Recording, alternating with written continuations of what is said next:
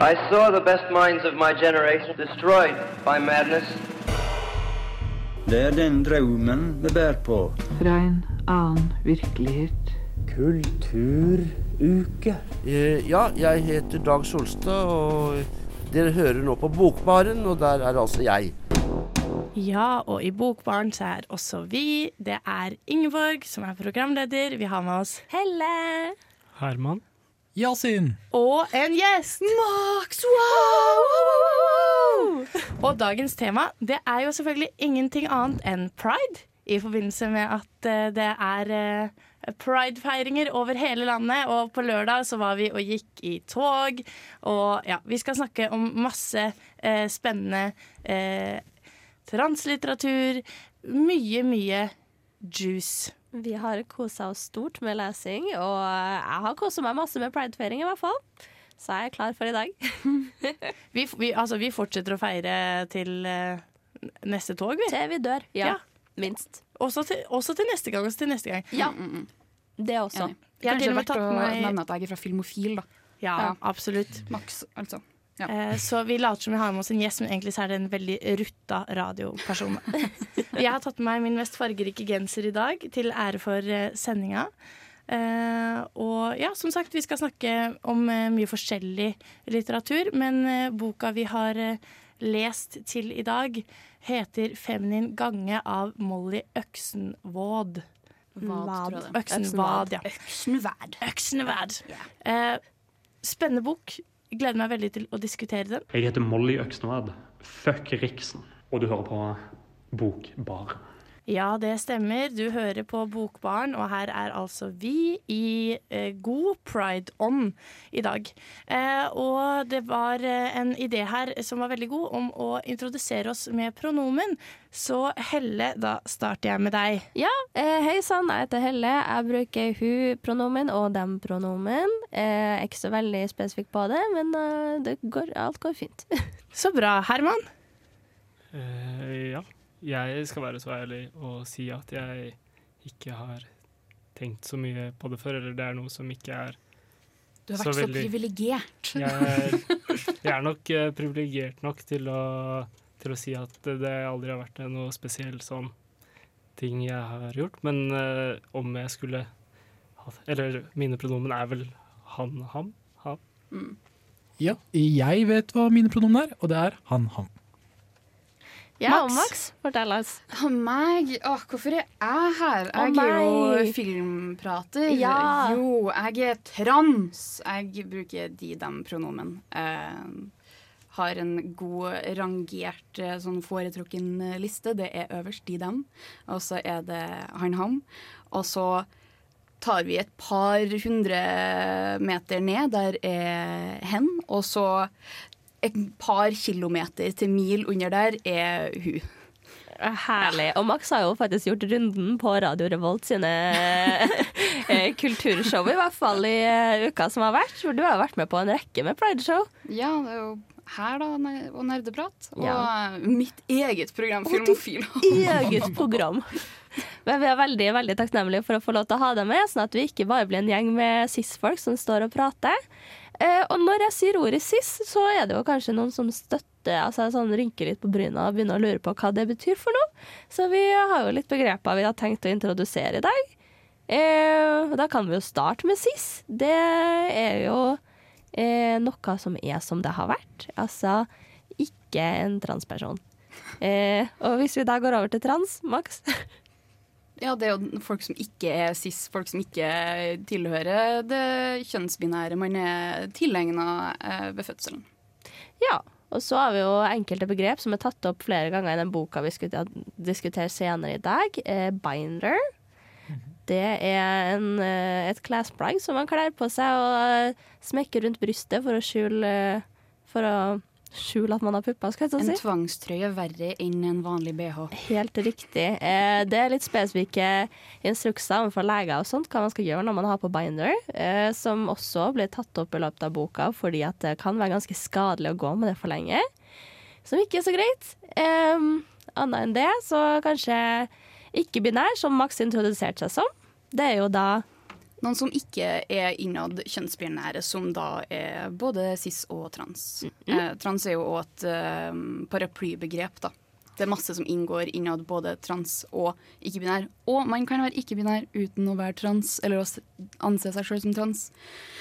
Det er Vanskelige Mye. saker. Ja. Eh, så klart det er mye å sette seg inn i, men det er, lett, det er greit å få det liksom en kort sånn introduksjon på det. Og da, mens vi er på binære transpersoner, så skal vi jo innom eh, en av våre hovedpersoner i dag, som er en transmann. Altså eh, født som kvinne, men identifiserer seg som en mann. Og boka i dag er skrevet av en transkvinne. Altså det motsatte. Eh, ja, det, det, det er altså eh, det er Man må holde tunga rett i munnen. Eh, fordi som sagt, det er mange begreper, og dessverre så føler jeg at man ikke har kommet langt nok med at liksom alle er kjent med det som sånn hverdags eh, eller begreper, og altså meg inkludert. Men det er det jeg syns er litt fint med at alle kan stå i studio sammen, og at vi prater sammen, og eh, det er jo det som er viktig med det her, å snakke sammen og lære, men ikke belære. Eh, og liksom, sier man noe feil, så kan man finne ut av det sammen og rette opp i ting. Fordi det, det er farligere å ikke snakke om det enn å snakke om det, og så si noe feil, og så rette det opp.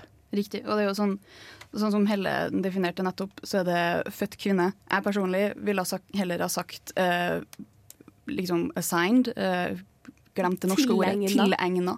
Eh, kjønn ved fødselen. Eh, men det er òg noe det er veldig subjektivt. Eh, en person, transperson kan være sånn 'Å jo, ja, nei, jeg er født kvinne', mens en annen transperson er sånn 'Nei, det er tilegna kjønn ved fødselen', liksom. Mm. Det er bedre å spørre. Ja, de så på meg når jeg ble født og sa til meg at jeg skulle være det her. Eh, jeg er jo uenig. Det- eh, men det er kompliserte tema, men det er jo en grunn til at vi tar det opp også. Eh, Yasin? Ja, eh, vi skal jo snakke om en bok, nemlig 'Feminin gange' av Molly Øksnevad. Og jeg kan gi en liten kort eh, biografi om hvem Molly er. Du har allerede nevnt at eh, Molly er eh, transkvinne. Men Molly er også født i 1996 i Stavanger, oljehovedstaden, og er for tiden bosatt i Danmark. Hun debuterte med romanen 'En sånn rød amerikansk scooter' i 2020. Og den boken handlet om mye av det Feminin gange handlet om.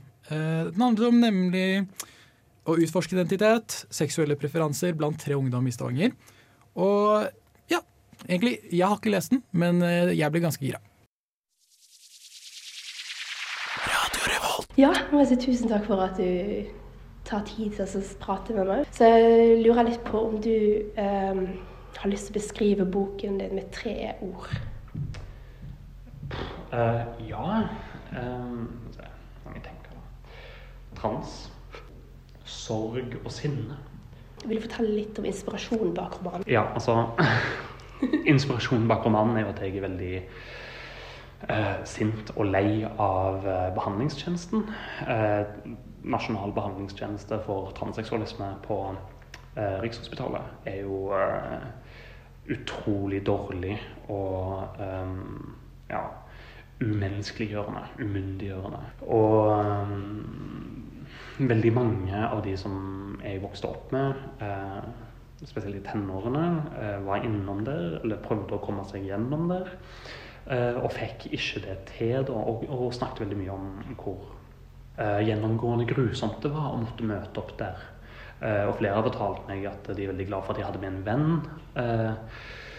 Eh, spesielt i ett tilfelle da, så var det en, ja, en person som sa at hvis eh, de ikke hadde hatt med seg en venn, så hadde ikke de vært i live i dag etter denne timen. Det blanda med at jeg ikke fikk komme dertil. Altså, det var flere som nekta å henvise meg dertil.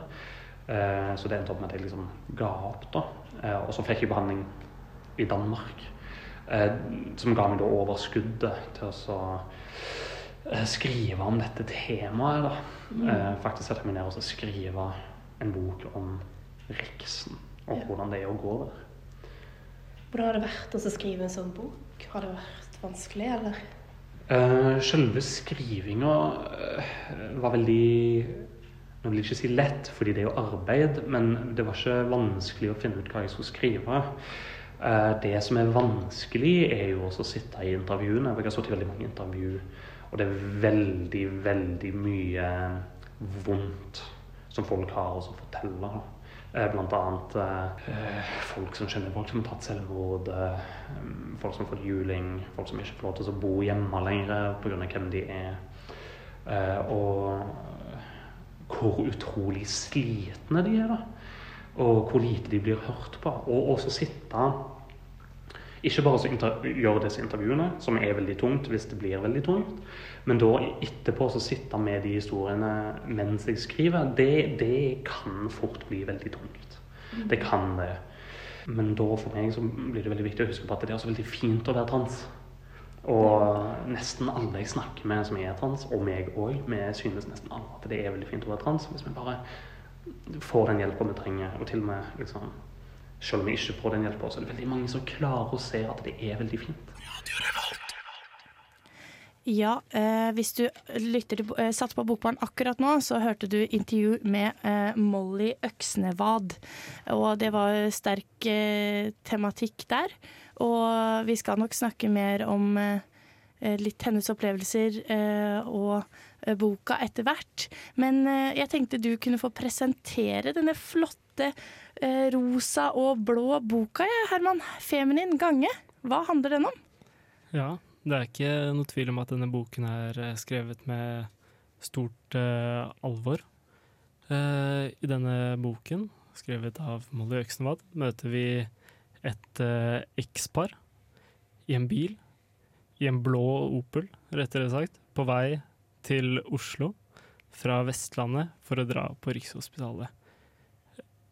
Jo lengre de kjører, så utfolder karakterene seg. De åpner seg, og vi får se deres forhold til hverandre gjennom livet. De heter for så vidt Liam og Thor. Det får vi vite senere. Um, handlingen hopper liksom sterkt frem og tilbake gjennom deres uh, problematikk eller deres liv med hverandre, deres forhold, og veien til hvordan deres forhold endte. Handlingen bygger på konflikt, sjalusi og store uenigheter. Eh, mange steder i boken fremstår karakterene som ja, svært usympatiske og slemme med hverandre. Og ja Det handler liksom om deres reise da, fra Vestlandet til Rikshospitalet i Oslo. Og uten å prøve å spoile boken, så skal jeg si at liksom, klimakset er på slutten, da, når de kommer dit, og handlingen som virkelig sånn utfolder seg, da, og alt gir mening. Ja, eh, for det er jo en litt sånn lang eh, reiseetappe i boka her, og at eh, klimakset kommer på og slutten er jeg veldig enig i. Og den er jo også delt opp i, det er vel fire deler? Fem deler? Fire, tror jeg. Fire, deler, ja. Og den første delen, som er den reiseetappen her, er veldig lang. Og så etter det så er delene ganske korte og mye mer intensive og liksom, hva skal man si, spenningsfylte. Ikke nødvendigvis at det er eh, hovedbudskapet i den boka her, at det skal være spennende. Men eh, eh, den skifter litt tempo eh, et stykke ut i boka. Ja, og det er jo på en måte en roman som gir veldig masse når det kommer til eh, personlige forhold. Eh, det er nesten som om tematikken med Riksen kommer som på andreplass i forhold til de her to karakterene. Selv om det så klart er deres forhold som er øh, Eller at det er deres vei til Riksen da, som er hovedproblematikken. Um, og så er det jo Det skal jo sies Molly skrev jo denne boka etter å ha intervjua ni transpersoner. Uh, så det er jo ikke bare hennes egne opplevelser som er reflektert, men alle opplevelsene som på en måte skrives om, de er jo veldig grunna i faktiske transopplevelser. Eh, jeg tror faktisk jeg, det er noe jeg likte mest med boken, er faktisk den litt lange reiseetappen. Jeg følte det, Den fyller en ganske viktig funksjon med å typ, eh, forklare hva som foregår underveis. Kan snakke litt mer om det eh, senere. Ja, hei, jeg heter eh, Rune Kristiansen, og jeg hører på Bokbarn. Ja, og i Bokbarn så snakker vi om 'Feminin gange' av Molly eh, Øksnevad. Men eh, Yasin, du hadde noen interessante refleksjoner om boka før vi hørte litt musikk i stad. Hva var det du likte godt med 'Feminin gange'? Ja, jeg likte den litt lange delen til å begynne med, eh, nettopp fordi eh, jeg følte det skapte litt kontraster i boka. De hendelsene som på en måte har litt mer sprengkraft, føler jeg på en måte har mye mer sprengkraft hvis man ikke pakker dem inn i en litt, litt lengre historie til å begynne med. Og det skapte en ganske digg dynamikk for meg, iallfall. For da følte jeg at jeg ble mer og mer investert for jo mer jeg leste. Men kanskje dere andre har en litt annen take enn meg. Herman? Eh, ja. For det første vil jeg bare si at eh, tematikken i eh, boken eh, fremkommer som svært viktig, og den er, det er en viktig bok med et viktig budskap. Eh, det som gjør at budskapet kommer så godt frem, da, eller at tematikken belyses så godt, er at den er såpass kort og såpass lett å lese. Dette er en bok man kan sette seg ned med og lese fort. Og ja. Men allikevel så er det noen ting jeg ønsker å ta tak i. Det er eh, liksom at noen ganger, selv om den er såpass kort, så kan den jeg vet ikke, starten av boken da, virke litt uh, langtrukken. At du ønsker liksom at du kommer fortere frem til, til uh, Oslo og Rikshospitalet, som er endepunktet, da. Og uh, klimakset. Men ja, det er sånn jeg syns. Jeg, jeg har bare lest fem sider av boka her, uh, fordi jeg stjal den idet heller kom hjem med den. Uh, og jeg støtter den statementen. Den er veldig lettlest. Jeg sliter med å lese, jeg har konsentrasjonsvansker, men jeg klarte å lese den, i hvert fall starten. Jeg, Ja, det er liksom en bok jeg klarte å bli investert i. Jeg ble veldig overraska når jeg hadde lagt den fra meg på kjøkkenet, og så kom jeg inn kanskje en halvtime senere etter å ha gjort noe greier. Og ikke en halvtime, etter, var Ok. ikke en Og jeg, fem minutter, da. Ja, Jeg så. Max sitte der og lese i en bok som jeg har tatt med. Det var en, eh, det var en vending som jeg ikke hadde forventa. Mm.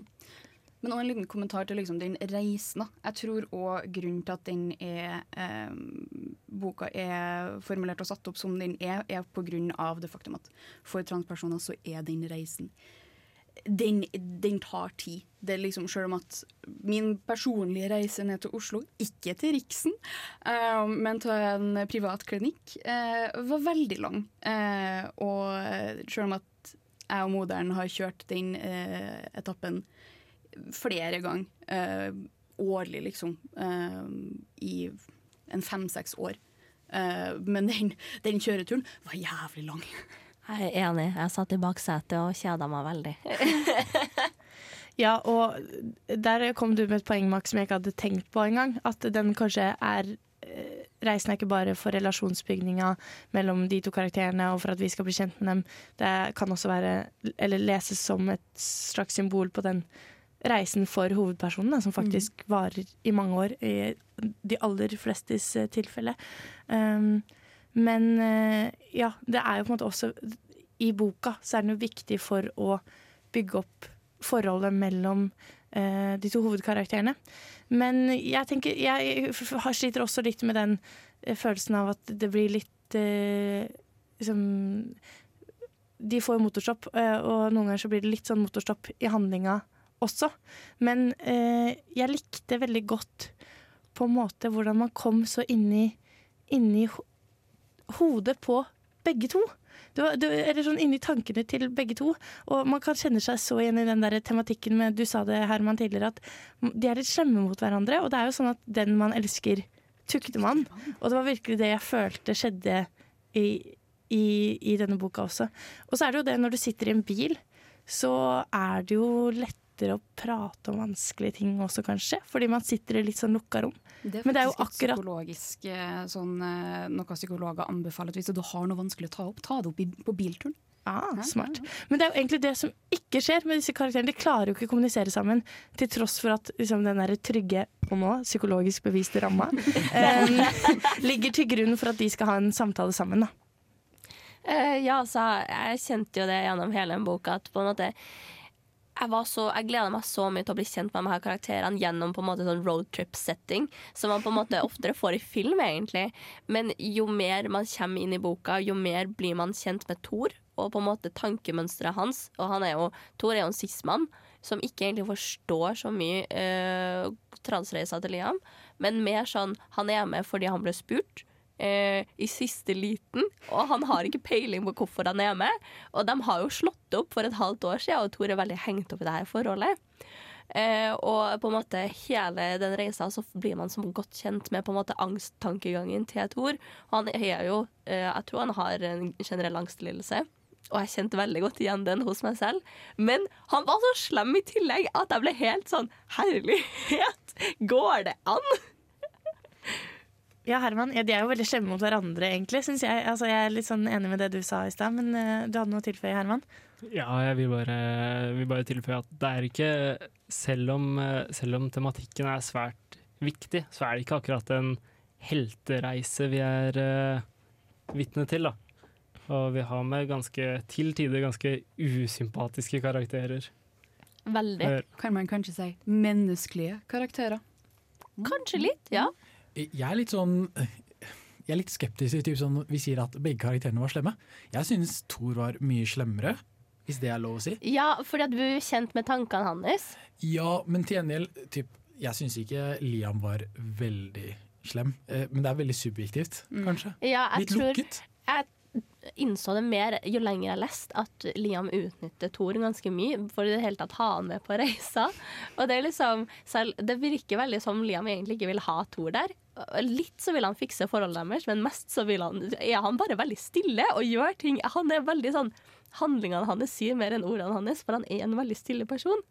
Ja, og så er det det at vi får det litt gjennom Thors perspektiv, som selvfølgelig eh, farger eh, vårt syn på Lian. Men det virker jo nesten som han sier litt sånne ting for å provosere òg, det her med det nye forholdet osv. osv. Men og jeg er litt enig med det du sa, at på en måte eh, Selvfølgelig, han trenger jo støtte i denne prosessen, men han bruker jo Thor lite grann også, og så er det liksom den herre Ja, skal vi gjøre det og det sammen når vi kommer hjem? Og så blir det på en måte aldri noe av, fordi det er jo ikke noe å hente der. På Nei, en måte. det er på en måte veldig eh, menneskelig karakter på ett vis, men også veldig sånn Jeg vet ikke om du tar med deg en person på en roadtrip for å rejecte dem en ekstra gang, liksom. Jeg tror litt sånn, eh, kanskje, og jeg skal ikke spekulere i Liams intensjon, men man tar kanskje med Thor fordi man vil bli, finne ut Kanskje Thor har gått videre, kanskje vi kan gå fra å være kjærester til venner, eller ekser til venner. Men typ sånn at det er eh, At vi på en måte ikke skal tenke eh, At det kan være noe positivt bak handlingene til Liam. Men det er, jeg har kanskje begynt å like Liam litt. Jeg vet ikke, Kanskje litt uh, Det er helt lov. Det er helt lov til å like Liam. Uh, og han trenger jo støtte i, i, i boka og på en måte fra, fra leseren også. Eh, så det er, jo ikke, det er jo ikke sånn at begge er framstilt som helt usympatiske karakterer. Eh, som Helle sagt, de, de sa, de er veldig menneskelig framstilt, og man kan kjenne seg godt igjennom det. Eh, men vi har masse å si om boka, men heldigvis så har vi masse sending igjen også. Så vi skal snakke lenge. Kan du gå litt videre til dette forholdet mellom Thor og Liam som fremstilles veldig komplisert og vondt. Jeg lurer litt på hva du ønsker å få fram med den relasjonen. For at han Det blir jo det er veldig klein biltur på et tidspunkt. Men han valgte likevel å spørre Thor om å være med. Hva, hva ønsket du å få fram der? Eh, Jeg vil jo få fram et, et ubehag, uh, selvfølgelig. Um, altså det er jo veldig mange grunner til, eh, til at jeg valg, valgte den dynamikken. Eh, og da også velge den dynamikken og sette de inn i en bitte liten bil som de må være i nesten hele boka. Uh, og det er jo for å utforske hvem de er som folk. Uh, og da også så vise at liksom, det er liksom eh, det er menneskeliggjøring. da. Det er altså å skape en karakter som du tror finnes. Um, og folk har en tendens til å være litt jævlige. Eh, og folk har en tendens til å være veldig kleine. Um, og da tenkte jo jeg hva er jævlig kleint? To ekskjærester som skal være veldig lenge i en bil sånn. Fint. Veldig greit. Det er en av grunnene, da. Ja. Mm. Jeg tror siste på en måte, ordentlige spørsmål jeg gjerne vil stille, er For at man merker veldig at Thor ikke helt vet hva han skal gjøre. At han føler seg litt sånn maktesløs i det. Han har veldig lyst til å være der for Liam. Um, hvis La oss si at Thor hadde sittet i stolen der borte. Hva, hvilke råd hadde du gitt han for å kunne være en bedre venn slash kjæreste, da? Jeg vet ikke. eh, si nei til å bli med på turen, kanskje? Eh, jeg syns jo ikke det er noen god idé. For Thor sier jo ja til å bli med fordi han hadde håp om å bli sammen med Liam igjen. Det er jo ikke fordi han har lyst til å være venn med Liam. Mm. Eh, så Tor trenger også være ærlig med seg sjøl og finne ut hva han vil egentlig. Mhm. Tor. Han framstår også som en veldig usikker person. At han ikke helt har det bra og ja, vet ikke helt hvem han er. Har du noe råd til han, kanskje? I sin utforskelse av hvem han er? Jeg mener, mm, altså Thor har jo et veldig stort behov for å bli sett, da. Eh, Og blir ikke sett av veldig mange. Eh, Så rådet til han hadde vel vært oppsøk skeive miljøer og finn folk som er som deg. Eh, For hvis du kan se deg sjøl i andre, så er det lettere å da se seg sjøl klarere. Ja, velkommen tilbake til Bokbarn, hvor vi snakker om feminin gange, og vi var godt inne i handlingsdiskusjonen før vi hørte litt eh, eh, musikk her. Og Herman, du hadde noe du ville eh, tilføye etter din kommentar om boka. Ja, eller reis Det er liksom fokaliseringen, eller liksom fortellerpunktet i boken, er jo Det er jo eh, Thor som reiser sammen med sin ekskjæreste Liam. Og det er Liam som skal til Oslo og til Rikshospitalet. Og ja, det er liksom Jeg vet ikke. Det har mye å si for fortellingen at det er Liam som sitter i førersetet på veien og kjører bilen, som oftest. Og at det er Thor som er med på reisen. Ja, det er jeg veldig enig i. At det på en måte, vi må være klar over hvem sitt perspektiv vi opplever. Eh, men også det at, eh, at eh, de har forskjellige mål med reisen, som Max snakka om her i stad mens vi hørte på musikk. Det at de har forskjellige mål, det gjør litt for hvordan reisen utarter seg for hver av dem. Um, og sånn, jeg vil jo si at Gjennom hele denne her, eh, boka så har man en sånn liten følelse av ubehag som ligger under. Selv om det på en måte, den roadtripen er beskrevet veldig fint, så er det på en måte et ubehag som ligger der imellom dem to. Um, altså, både fordi de er ekser, men også fordi de har mye uoppklart som ikke har blitt sagt. Og um, jeg vil gjerne Altså, Thor har jo på en måte et håp om å bli sammen med Liam igjen. Um, jeg vet ikke, jeg personlig vet ikke hvordan det er å føle på dysfori, men jeg vil anta at Molly har prøvd å gi oss en følelse av at noe ikke er som det skal være, ved denne vinklinga fra Thor sin side.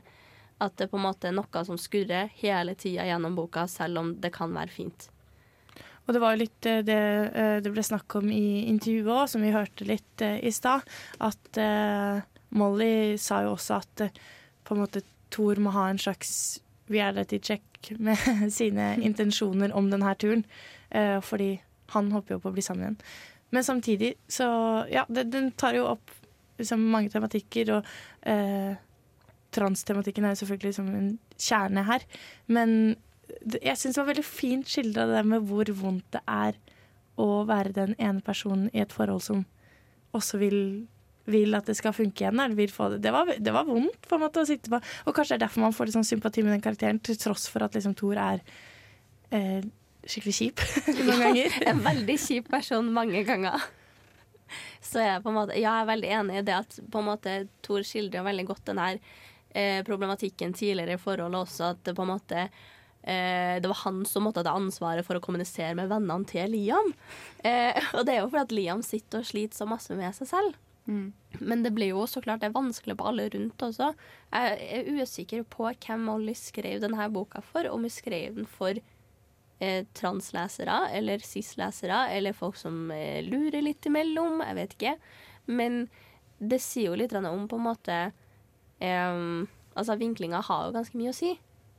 Jeg tror nok at det er litt eh, Som med det meste, at det liksom Jeg tror ikke man kan si at boka er skrevet for én spesifikk eh, måte, gruppe med personer. For du har eh, to forskjellige synspunkt i boka. eh, hvor du får både Thor sitt eh, ignorante, skal jeg si, naive blikk, eh, og Liam som ikke er god på å formulere hva han sliter med. Da. Så du har jo både det faktum at reisa her eh, portretterer Liam og hvordan han sliter, og Thor som ikke forstår hva som foregår, for at Liam ikke vil kommunisere. Liam har ikke evnen til å kommunisere.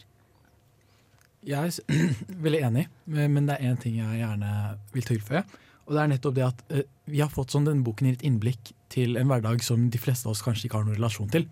Det er mange som kanskje ikke har noen venner som er trans, f.eks. Mm. Eller har familiemedlemmer som er trans. Og at man på en måte kan se på de utfordringene man møter i hverdagen. Man kan se de utfordringene man møter både overfor andre mennesker, men også overfor institusjoner som Riksen. på en måte, har gjort at jeg føler at eh, det er nesten Jeg har blitt enda mer aktivistisk av å høre på dette. Eh, og så nå har jeg blitt enda mer skeptisk av eh, Riksen, men vi kan snakke om det senere. Ja, eh, og jeg følte liksom det var viktig for meg å lese den boka her, fordi det var litt sånn eh, Skjerp deg, det burde du gjort for en stund siden, liksom. Self-education. Eh, så det var veldig fint for å på en måte sette seg litt mer inn i en tematikk som ikke nødvendigvis berører meg personlig, men som på en måte som et samfunnsmenneske berører meg. Uh, ja, Max? Jeg tenker jo at, som du sier, at det er viktig at det blir fortalt. Men jeg syns òg at det er så fantastisk at det er en bok. At det ikke er intervju. At det, transfolk slipper å sitte og spy ut det samme om og om og om igjen på intervju i eh, både på TV, i avis osv. osv. Men at det er en bok hvor man kan faktisk være sånn Å ja, du vil vite hvordan transopplevelsen er? Her, vær så god, gå og les det, så slipper jeg å spy ut akkurat det samme om og igjen og gjenoppleve mine traumer. Ja, og fordi det syns jeg også var litt interessant eh, på det du følger opp med der. For liksom, eh, At det var skjønnlitterært. Hva syns du på en måte om hvordan funka det her som eh, bokform? Og hva syns dere om eh, liksom, det selve litterære kvaliteten ved verket? da? Eh, Nå skal ikke jeg legge til for masse om Max sin personlige reise her, men jeg kan jo bare tilføye litt på det de sa. At i fjor vinter så var jo Max ute i media eh, både hos NRK og til Hvilken avis var det? Nidaros. Nidaros. Eh, og ble intervjua. Og det Altså, feedbacken som kommer på sosiale medier til enkelte transpersoner som står frem, er hard. Og det er fint å kunne ha en opplevelse som er fiktiv og relatert til. Ja, jeg, jeg svarer på spørsmål om hva jeg syns om den ikke, litterære kvaliteten ved verket er. Jeg, øh, jeg føler at øh, det kunne vært skrevet enda litt bedre, så liksom, opplevelsen av det liksom gitt enda større inntrykk. Hva spesifikt tenker du på da, Herman? En ting jeg liksom beit meg merke i, er liksom uh, Det er noe som gjør det veldig lett å lese, men det er veldig korte set... Altså det, tegnsetninga er ganske uh, Stakkato. Ja, stakkato. Eh, og det kan funke, det er jo et, absolutt et grep, men det var kanskje en av de tingene som ja, eh, stoppa handlinga litt eh, opp igjennom. Men eh, jeg har jo blitt litt sånn gal av å lese altfor lange setninger i det siste, så det kanskje har noe å gjøre. Men jo, Herman, hva syns du? Nei, jeg mener også det samme som deg. Selvfølgelig kan korte setninger være et virkemiddel å gjøre boka eller ja, gjøre, det, gjøre det bedre. Men jeg savnet, jeg savnet en språkvask til, på en måte, kanskje. En, liksom, en liten opprydding, for det ble veldig sånn Måtte lese et par setninger om igjen. Hva, liksom, Hva er det det sto her? Hvordan er dette formulert? Altså, det to be fair, så har jeg, jeg har det sånn med lengre romaner og eh, bøker som er retta for voksne. Så jeg føler den. Men jeg vil også legge til det at ja, men samtidig så må man òg tenke over eh, Tenke på hvor mye av litteratur er translitteratur. Hvor mye litteratur er skrevet av og for og med transfolk i forhold til hva som cis-litteratur er skrevet. Du har et større spenn. Så jeg blir litt sånn, skal man virkelig stille seg så Ikke, ikke at du stiller deg superkritisk, men at skal man stille seg kritisk til at OK, det her er en av de første transbøkene jeg har lest. Har jeg lov? Bør jeg eh, stille meg kritisk til hvordan den er skrevet? Fordi at det er et såpass lite utvalg med bøker i denne sjangeren og om dette temaet. Jeg vil kanskje legge til at det er også en, kanskje en litterær effekt i å ha så korte setninger. Altså, Som noen som har angst selv, så er det veldig tankene de springer fort, de er kort, og de er aggressive. Og boka bærer med seg et sinne. Som er på en måte i de her korte setningene. Jeg hater å få korte tekstmeldinger nettopp fordi, altså, fordi jeg f- føler vårt sinne fra dem. Hvordan er det jeg tekster, Helle? Én setning, Styrn. Én setning. Eh, ja, og jeg er veldig enig med det du sier, Max, og jeg føler vi må diskutere det videre i setninga eh, Nei, setninga, se, sendinga. Eh, om vi kan på en måte Er det mm, på en måte farlig å være kritisk til denne type litteratur fordi den er så på en måte underrepresentert? Samtidig så tror jeg det kan være veldig nyttig å kunne kritisere eh, det litterære eh, ved siden av eh, tematikken. For tematikken er kjempeviktig uansett. Den trenger vi. Den trenger vi representert i litteraturen også. Eh, men som som litteraturkritikere var kanskje å ta i, men eh, for litteraturinteresserte folk, da, så føler jeg at vi må kunne diskutere den litterære kvaliteten på et verk, og det skal vi gjøre masse mer. Men først må vi høre litt grann musikk.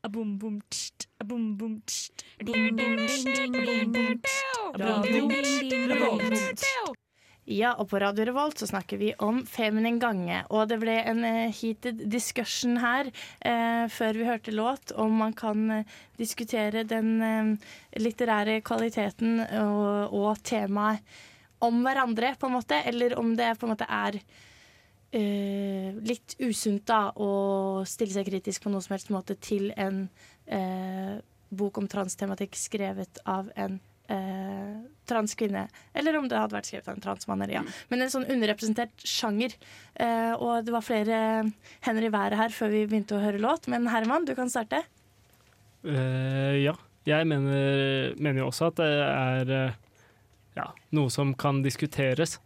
Men uh, for min del, da, personlig, tror jeg det er veldig viktig at man også kan uh, diskutere kunstformen som er litteratur, uten å Uten at det er skadelig, da, å snakke om kunsten i seg selv. Jeg er personlig veldig enig, men jeg håper jo på at eh, det skal etter hvert komme såpass mye litteratur som også er skrevet av transfolk og for transfolk og om transfolk, til at man kan ha en mer åpen diskurs om litterær kvalitet. Fordi at når det er såpass lite, så er det lite å ta tak i til å begynne med. Jeg, jeg tror iallfall at man får, sånn, Det er alltid et sånn gyllen kompromiss et eller annet sted. Man kan ha kritikk, men så lenge den kritikken på en måte ikke fører til at færre folk går inn og skriver translitteratur, at man må finne den gylne middelvei. Og derfor sånn, Den type kritikk Herman kommer kom med, syns jeg er veldig bra. Det handler om konkret tekst, liksom. Men hvis vi først snakker om typ, litt sånn bredere tematikk, som vi kanskje skal gå inn på senere, hvis vi snakker om at okay, erfaringene til transpersoner. Ikke skal komme til uttrykk i litteratur, Eller- det er en helt annen debatt. Eller erfaringa til transpersoner i Norge. Enda mer snevert å ta tak i. Eh, særlig når det, vi ikke inkluderer journalistikk, men eh, kun romaner og kreativ skriving. Kjempelitt å ta tak i. Ja, og det er jo på en måte et signal om at vi her ønsker oss mer litteratur som dette. At vi trenger det. Ja, eh, Max, skal ikke du utgi en roman? Jo, jeg eh, burde det, men jeg eh, tror jeg eh, skal ta meg god tid med det. Ja. Egentlig. Jeg må reflektere litt om transopplevelsen sjøl, og hvordan folk opplever det annet enn min opplevelse. Ja, og akkurat det spørsmålet tror jeg Marte spurte Molly om, så la oss høre hva hun har å si om den saken. Og du beskriver alle disse omgivelsene veldig varmt og vakkert. Og så kommer man da til eh, Rikshospitalet, som beskrives som det totalt motsatte. Denne kontrasten her, var det, var det bevisst? Ja, um, fordi reisen til Rikshospitalet er veldig levende. Det er to folk, to personer som sitter og omgås hverandre. De møter andre folk. De går inn i levende byer. Også når de kommer til Rikshospitalet, så er liksom hensikten da at det uh, Du skal som jeg, som jeg sier, da, jeg føler meg syk. Som eller som Thor sier da i boka. Og det er for å vise at eh, du skal liksom føle deg litt syk da, når du kommer på sykehuset. Eh, for det er jo det eh, som ligger i at du må til Rikshospitalet for å få behandling fordi at du er trans. Det er jo fordi at det er sånn de mener at du er syk, som du ikke er. Så det er absolutt bevisst at det er kon kontraster der. Det er bevisst, ja. Um, denne scenen i det var i Sandefjord, hvor Liam får fratatt passet sitt i hotellbaren. Hva var inspirasjonen bak denne scenen? Eh, det skjedde med en av de personene jeg intervjua.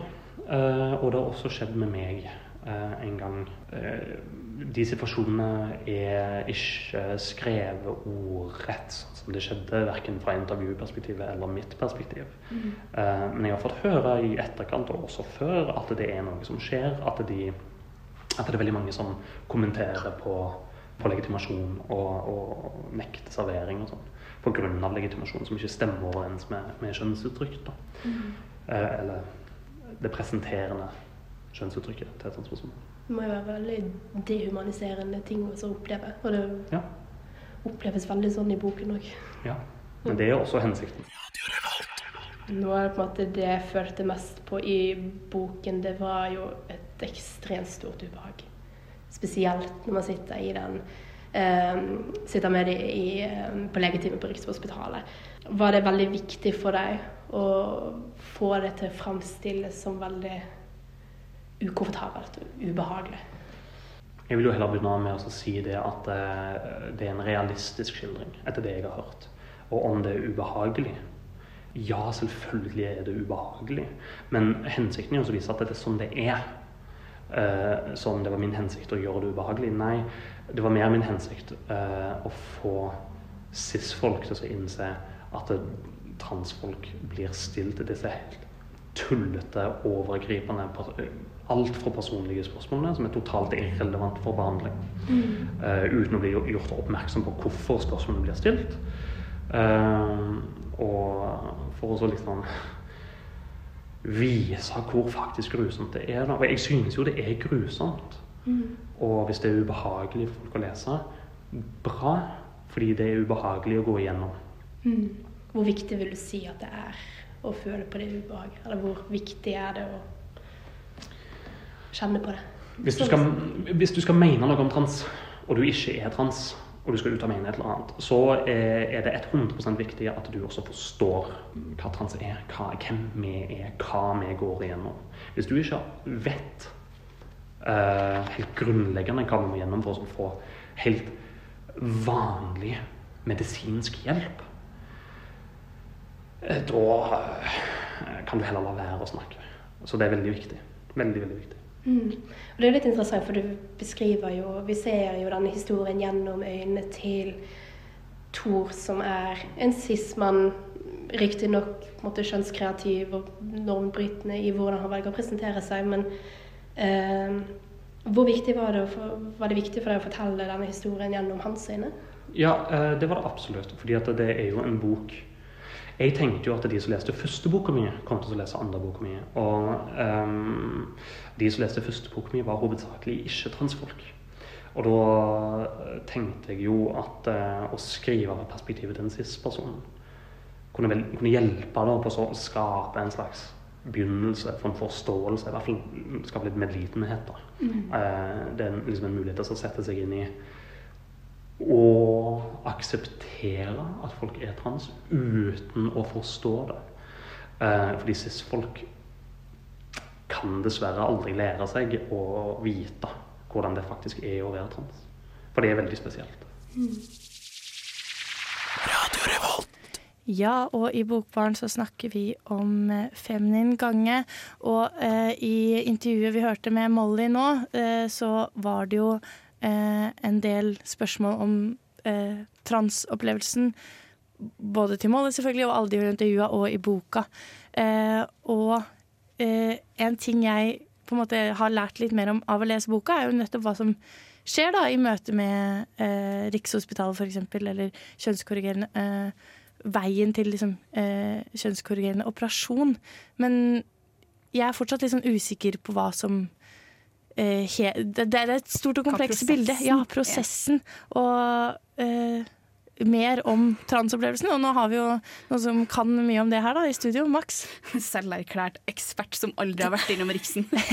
Nei, uh, prosessen som de sier, eller som du får et bilde av i boka, òg, uh, er jo det faktum at eh, det er veldig eh, invasive. Det er veldig påtrengende prosess i seg sjøl, for du får mange, veldig mange ubehagelige spørsmål. Spesielt hvis at du er så heldig at du har muligheten til å komme til Riksen. Det har ikke jeg, for jeg er ikke-binær, og Riksen anerkjenner ikke ikke-binære. Um, enda, forhåpentligvis. Ellers at det blir seinere. Um, så du må gjennom uh, mange prosesser med å Du må utredes med uh, dysfori og at du har uh, liksom, du, må, du må faktisk få diagnosen trans, liksom. og det gjør du gjennom psykologer. Du må gjerne gjennom flere forskjellige psykologer. Jeg var så heldig at uh, jeg fikk gjennom utredning av ADHD snakka med psykolog, og hun var sånn Hei, du, det er et eller annet som heter for RSKI, uh, som er et regionalt senter. Uh, som ikke har på en måte samme kontroll og makt som Riksen har, fordi de har et monopol. altså De kan si til psykologer at hei, det du driver med er uetisk, vi er de eneste som kan drive på med um, kjønnsbekreftende behandling og anbefaling av Det ikke at psykologene anbefaler deg noe som helst, eh, men de henviser videre. Så det er mange psykologer og leger som har havna i trøbbel fordi at de ikke har vært gjennom De har ikke jobba for Riksen. da. Mm, og selv når at uh, Max skulle gå gjennom en privat klinikk for operasjon, så måtte du jo diagnoseres med å være trans. Ja, men det må du uansett. Ja, uansett om at du skal ha operasjon ja, eller ikke. For at Riksen ikke skal uh, eh, bli sur på den private klinikken som har gjort operasjonen for deg. Mm, og så får man ikke lov, hvis man går gjennom f.eks. regionalt senter eller privatleger, så får man ikke lov til å få en anbefaling av operasjon, fordi at det kan jo selvfølgelig Riksen komme og være sånn hei, bla, bla, bla. Ja, det er et styr. Jeg har et spørsmål. Eh, fordi jeg har lest typ, Når jeg leser om si, Riksen eh, mm. på nettet, så er det veldig ofte at noen bruker begrepet kjønnskorrigerende behandling. Og så ja. bruker andre folk, ofte transpersoner, slik jeg har forstått det, kjønnsbekreftende behandling. Er det, hvilket begrep skal man bruke? Jeg tenker Det er jo litt uh, subjektivt. Uh, jeg uh, syns kjønnsbekreftende er bedre, for at du får et bedre bilde av det. Du på en måte Kjønnskorrigerende har fokus på dysfori. Og du, man, man, trenger ikke å ha dysfori for å være trans eller ikke-binær. Og det er et problem med bl.a. Riksen. De har et veldig stort fokus på dysfori, og at man må ha plager. Man kan ikke på en måte kun oppleve en eufori da, av å utforske kjønn og så videre, og så, sånn finne ut at man er trans. Mm. Uh, så jeg tror det er et sunnere begrep å bruke uh, kjønnsbekreftende fremfor kjønnskorrigerende. For at skal du korrigere for noe, men også er det, det er noe galt med deg. Ja. Og det å utforske forhold til eget kjønn er jo ikke bare en transting. Det er jo noe alle kan gjøre, og det ser vi også i denne boka. Thor bruker neglelakk. Han er, går i dameklær ofte.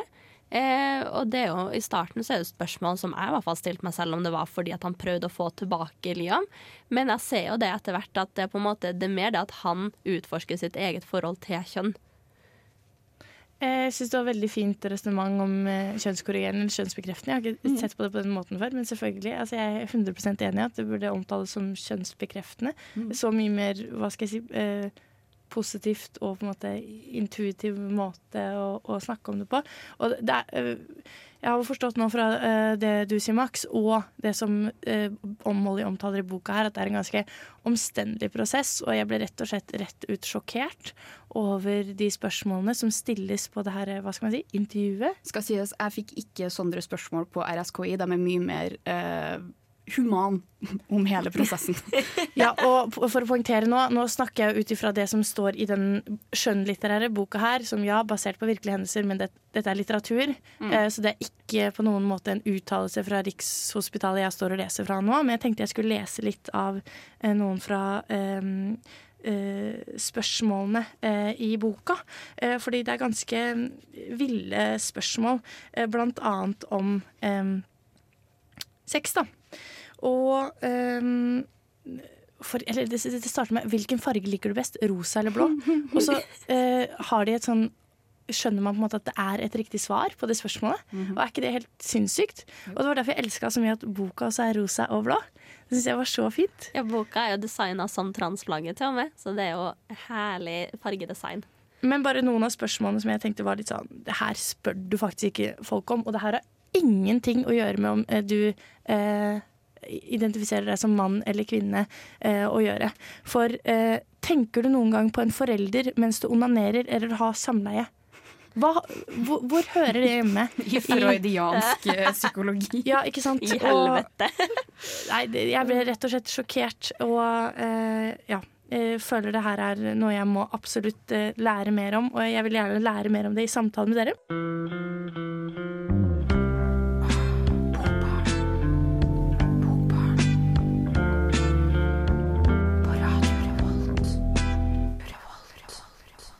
Ja, og på Radio Revolt. Der er vi også. eh, og vi snakker om feminin gange fremdeles, vi. Og vi var jo inne på hele tematikken rundt Riksen eh, før vi hørte låt her, og leste annet et utdrag fra boka om den ja, intervjuprosessen man går gjennom der, som er ganske umenneskeliggjørende, vil jeg påstå. Ja, jeg håper at det gir et litt mer eh, bedre syn for flere folk da, på hvorfor at når man går i Pride-parade, f.eks., at man har fana hvor det står 'fuck Riksen'. Mm. Det er ikke bare fordi at vi er sint på Riksen, det er et politisk utsagn om nettopp hvilken behandling folk som er tilgjengelig, da. Ja, og igjen, jeg må bare eh, si at vi leste fra en skjønnlitterær bok. Eh, vi har ingen representant fra Rikshospitalet her til å eh, Motsi- mo, eh, motsi oss. Nei, nei. Til, til å svare på kritikken i dag. Eh, så sånn, det jeg leste opp Jeg, jeg kan ikke påstå at det er Um, Det er ikke et skriv jeg har fått fra Riksen. Jeg leser, jeg leser fra Molly sin bok. Det skal sies at Riksen er ikke så veldig god med å komme med utsagn og skrive eh, for å um, si noe uh, når de får spørsmål ved behandlingsmetodene sine òg, da. Så- Mye av det Riksen kommer og sier, det er at det ikke er dekkende forskning. Mm. Eh, og det er jo eh, fint det at de eh, belager seg på forskning, men det er også noe med det at da bør Riksen kanskje også stå for denne forskninga, eh, hvis de først skal stå og si at det ikke er noe av den. Og så er det jo et faktum at Riksen, eller at det Når det kommer leger og psykologer som er villige, så blir de ofte eh, jaga bort ifra fagfeltene fordi at det er et monopol som eh, en viss eh, klinikk, eh, eller del av, av Riksen, som eh, på en måte vil ha kontroll over, og de lar ikke noen få komme til. Så, Nå skal det ja. også sies at før koronaen slo inn, så var det jo lagt opp for at vi skulle ha en kjønnsbekreftende klinikk på St. Olavs eh, for eh, transpersoner. Og det skulle også da stå for behandling for alle fra Trondheim og nordover. Eller Trøndelag og nordover. Eh, og de har også gjennomført operasjoner, men den ble stengt under korona, og det har, har ikke vært snakk om at den skulle åpnes igjen. Eh, så vi får se hva som skjer, og bare send masse brev til St. Olav, og be dem om å åpne igjen. En sånn her type bok kan jo være viktig for å eh, sette liv i en sånn debatt igjen òg, fordi det når ut til kanskje muligens en større gruppe enn, som du var inne på, Max, eh, at kun er representert i f.eks. Ja, eh, portrettintervjuer og i mediebildet. Så når jo litteraturen andre mennesker på en annen måte? Eller ja, flere grupper. Ja, eh, jeg tenkte også på typ eh, Denne boken er veldig bra, eller veldig god til å belyse flere sider av det å være trans, fra mitt inntrykk som cis-mann da selv. Men typ når du faktisk går og skal legge deg, altså vise fram bankkortet ditt for å f.eks. kjøpe alkohol eh, på et hotell, så kan det hende at eh, du møter på spørsmål som du egentlig ikke burde få, som du forklarer godt. Eh, og nå var det lite frampek til noe som skjer i boken. Ikke meningen å spoile. Eh, ja, jeg kan spoile litt mer og si det at eh, mange som jobber på, med alkoholsak, de er jo eh, de er belaga på at de må konfiskere ID hvis at de tror at den er stjålet. Og det er det mange transpersoner som opplever. da, Å eh, få fratatt eh, valid ID med riktig navn til og med etter navnebyttet. Bare for at de ikke har begynt med bekreftende behandling ennå. Mm. Og det er jo òg et problem med sikkerhet. Da. At man ikke tør eller kan tørre å stå fram. Her i Bokbaren så vil vi at alle skal få stå fram, og alle skal få være seg selv. Og vi skal snakke mer om det, og hvordan det er representert i litteraturen. Radio Radio. Radio. Revolt! Ja, og Radio Revolt har du satt på, og du hører på Bokbarn, hvor vi snakker om Femning gange av Molly Øksnevad.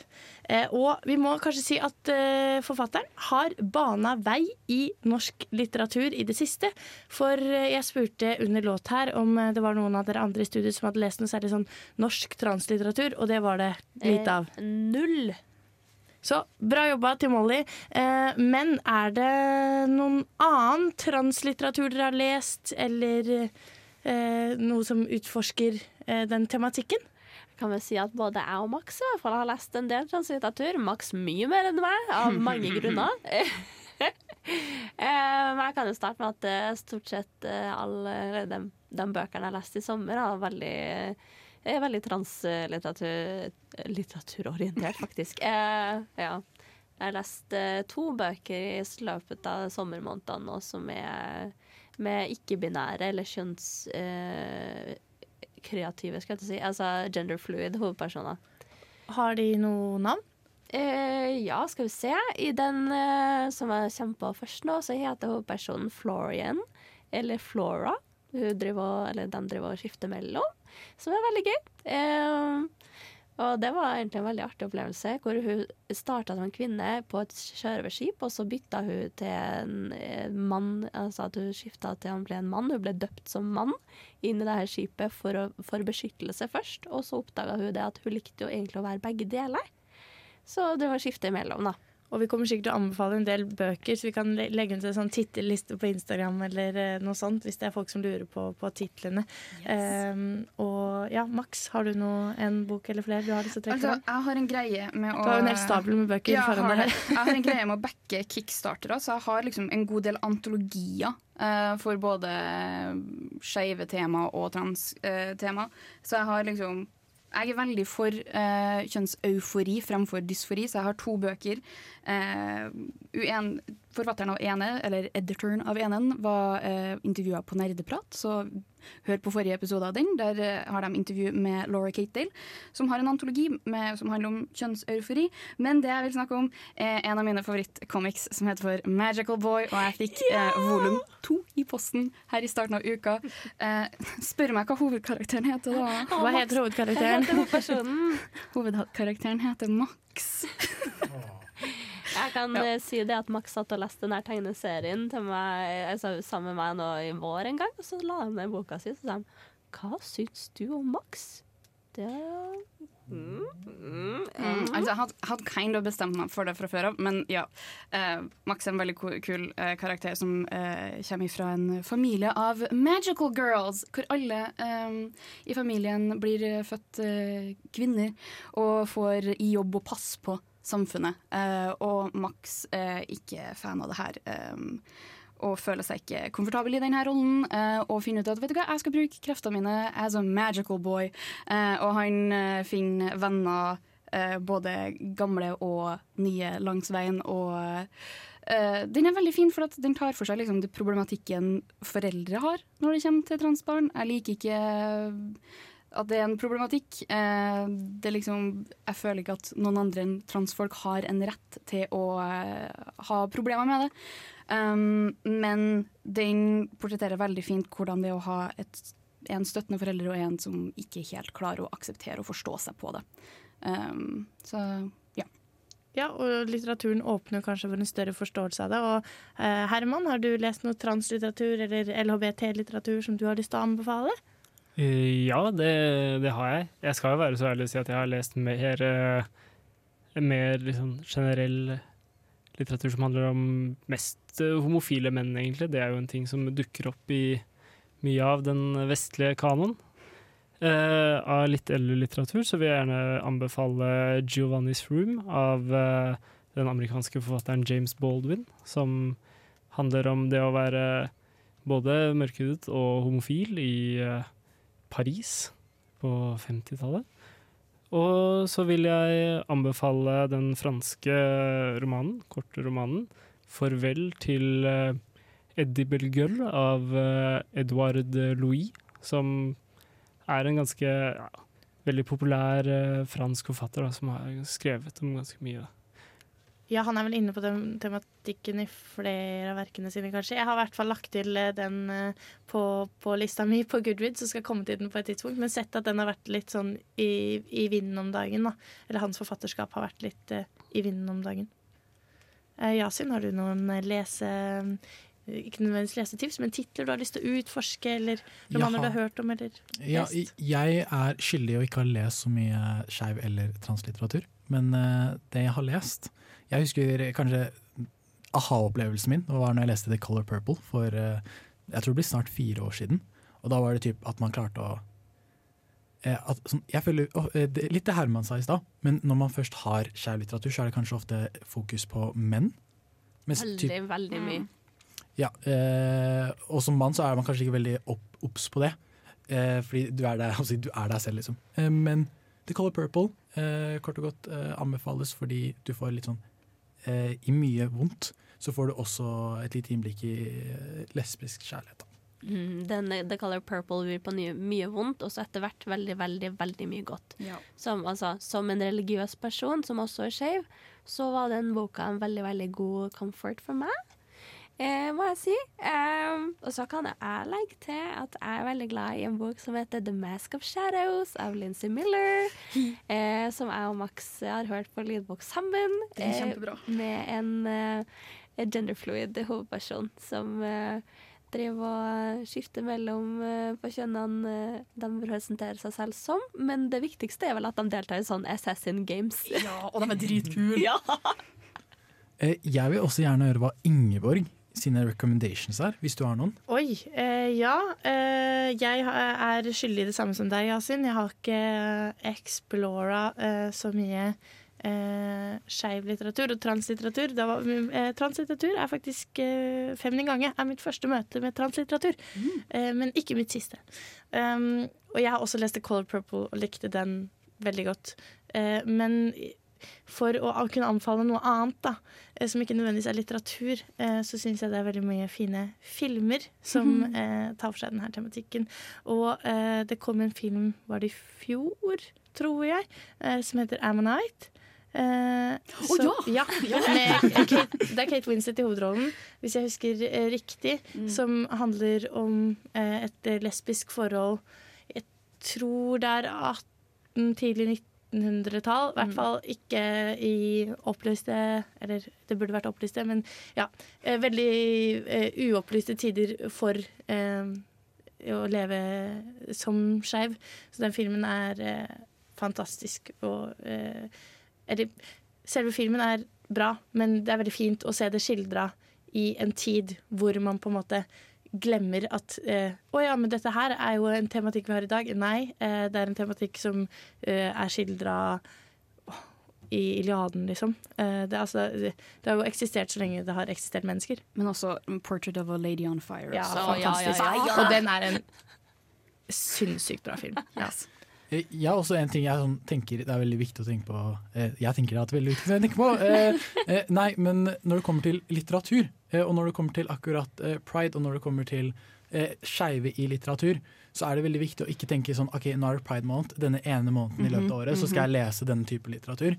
Akkurat på samme måte som at du kan lese feministisk litteratur hele året, selv om det ikke er 8. mars hver eneste dag, så burde du også kunne lese skeiv litteratur hele året, uten å gjøre det til bare sånn nisj greie. Jeg kom på en bok som jeg leste som var helt sinnssykt bra, og det er Madeline Miller, 'Song of Achilles', som tar eh, den eh, Achilles og Patroklos-historien eh, enda et steg videre enn den er i Iliaden. Altså Tematikken ligger der i Iliaden òg, hvis du leser litt mellom linjene, men kanskje ikke det som var hovedmålet til Homer, den gamle Nei, Men, eh, det i navnet hans. Nei.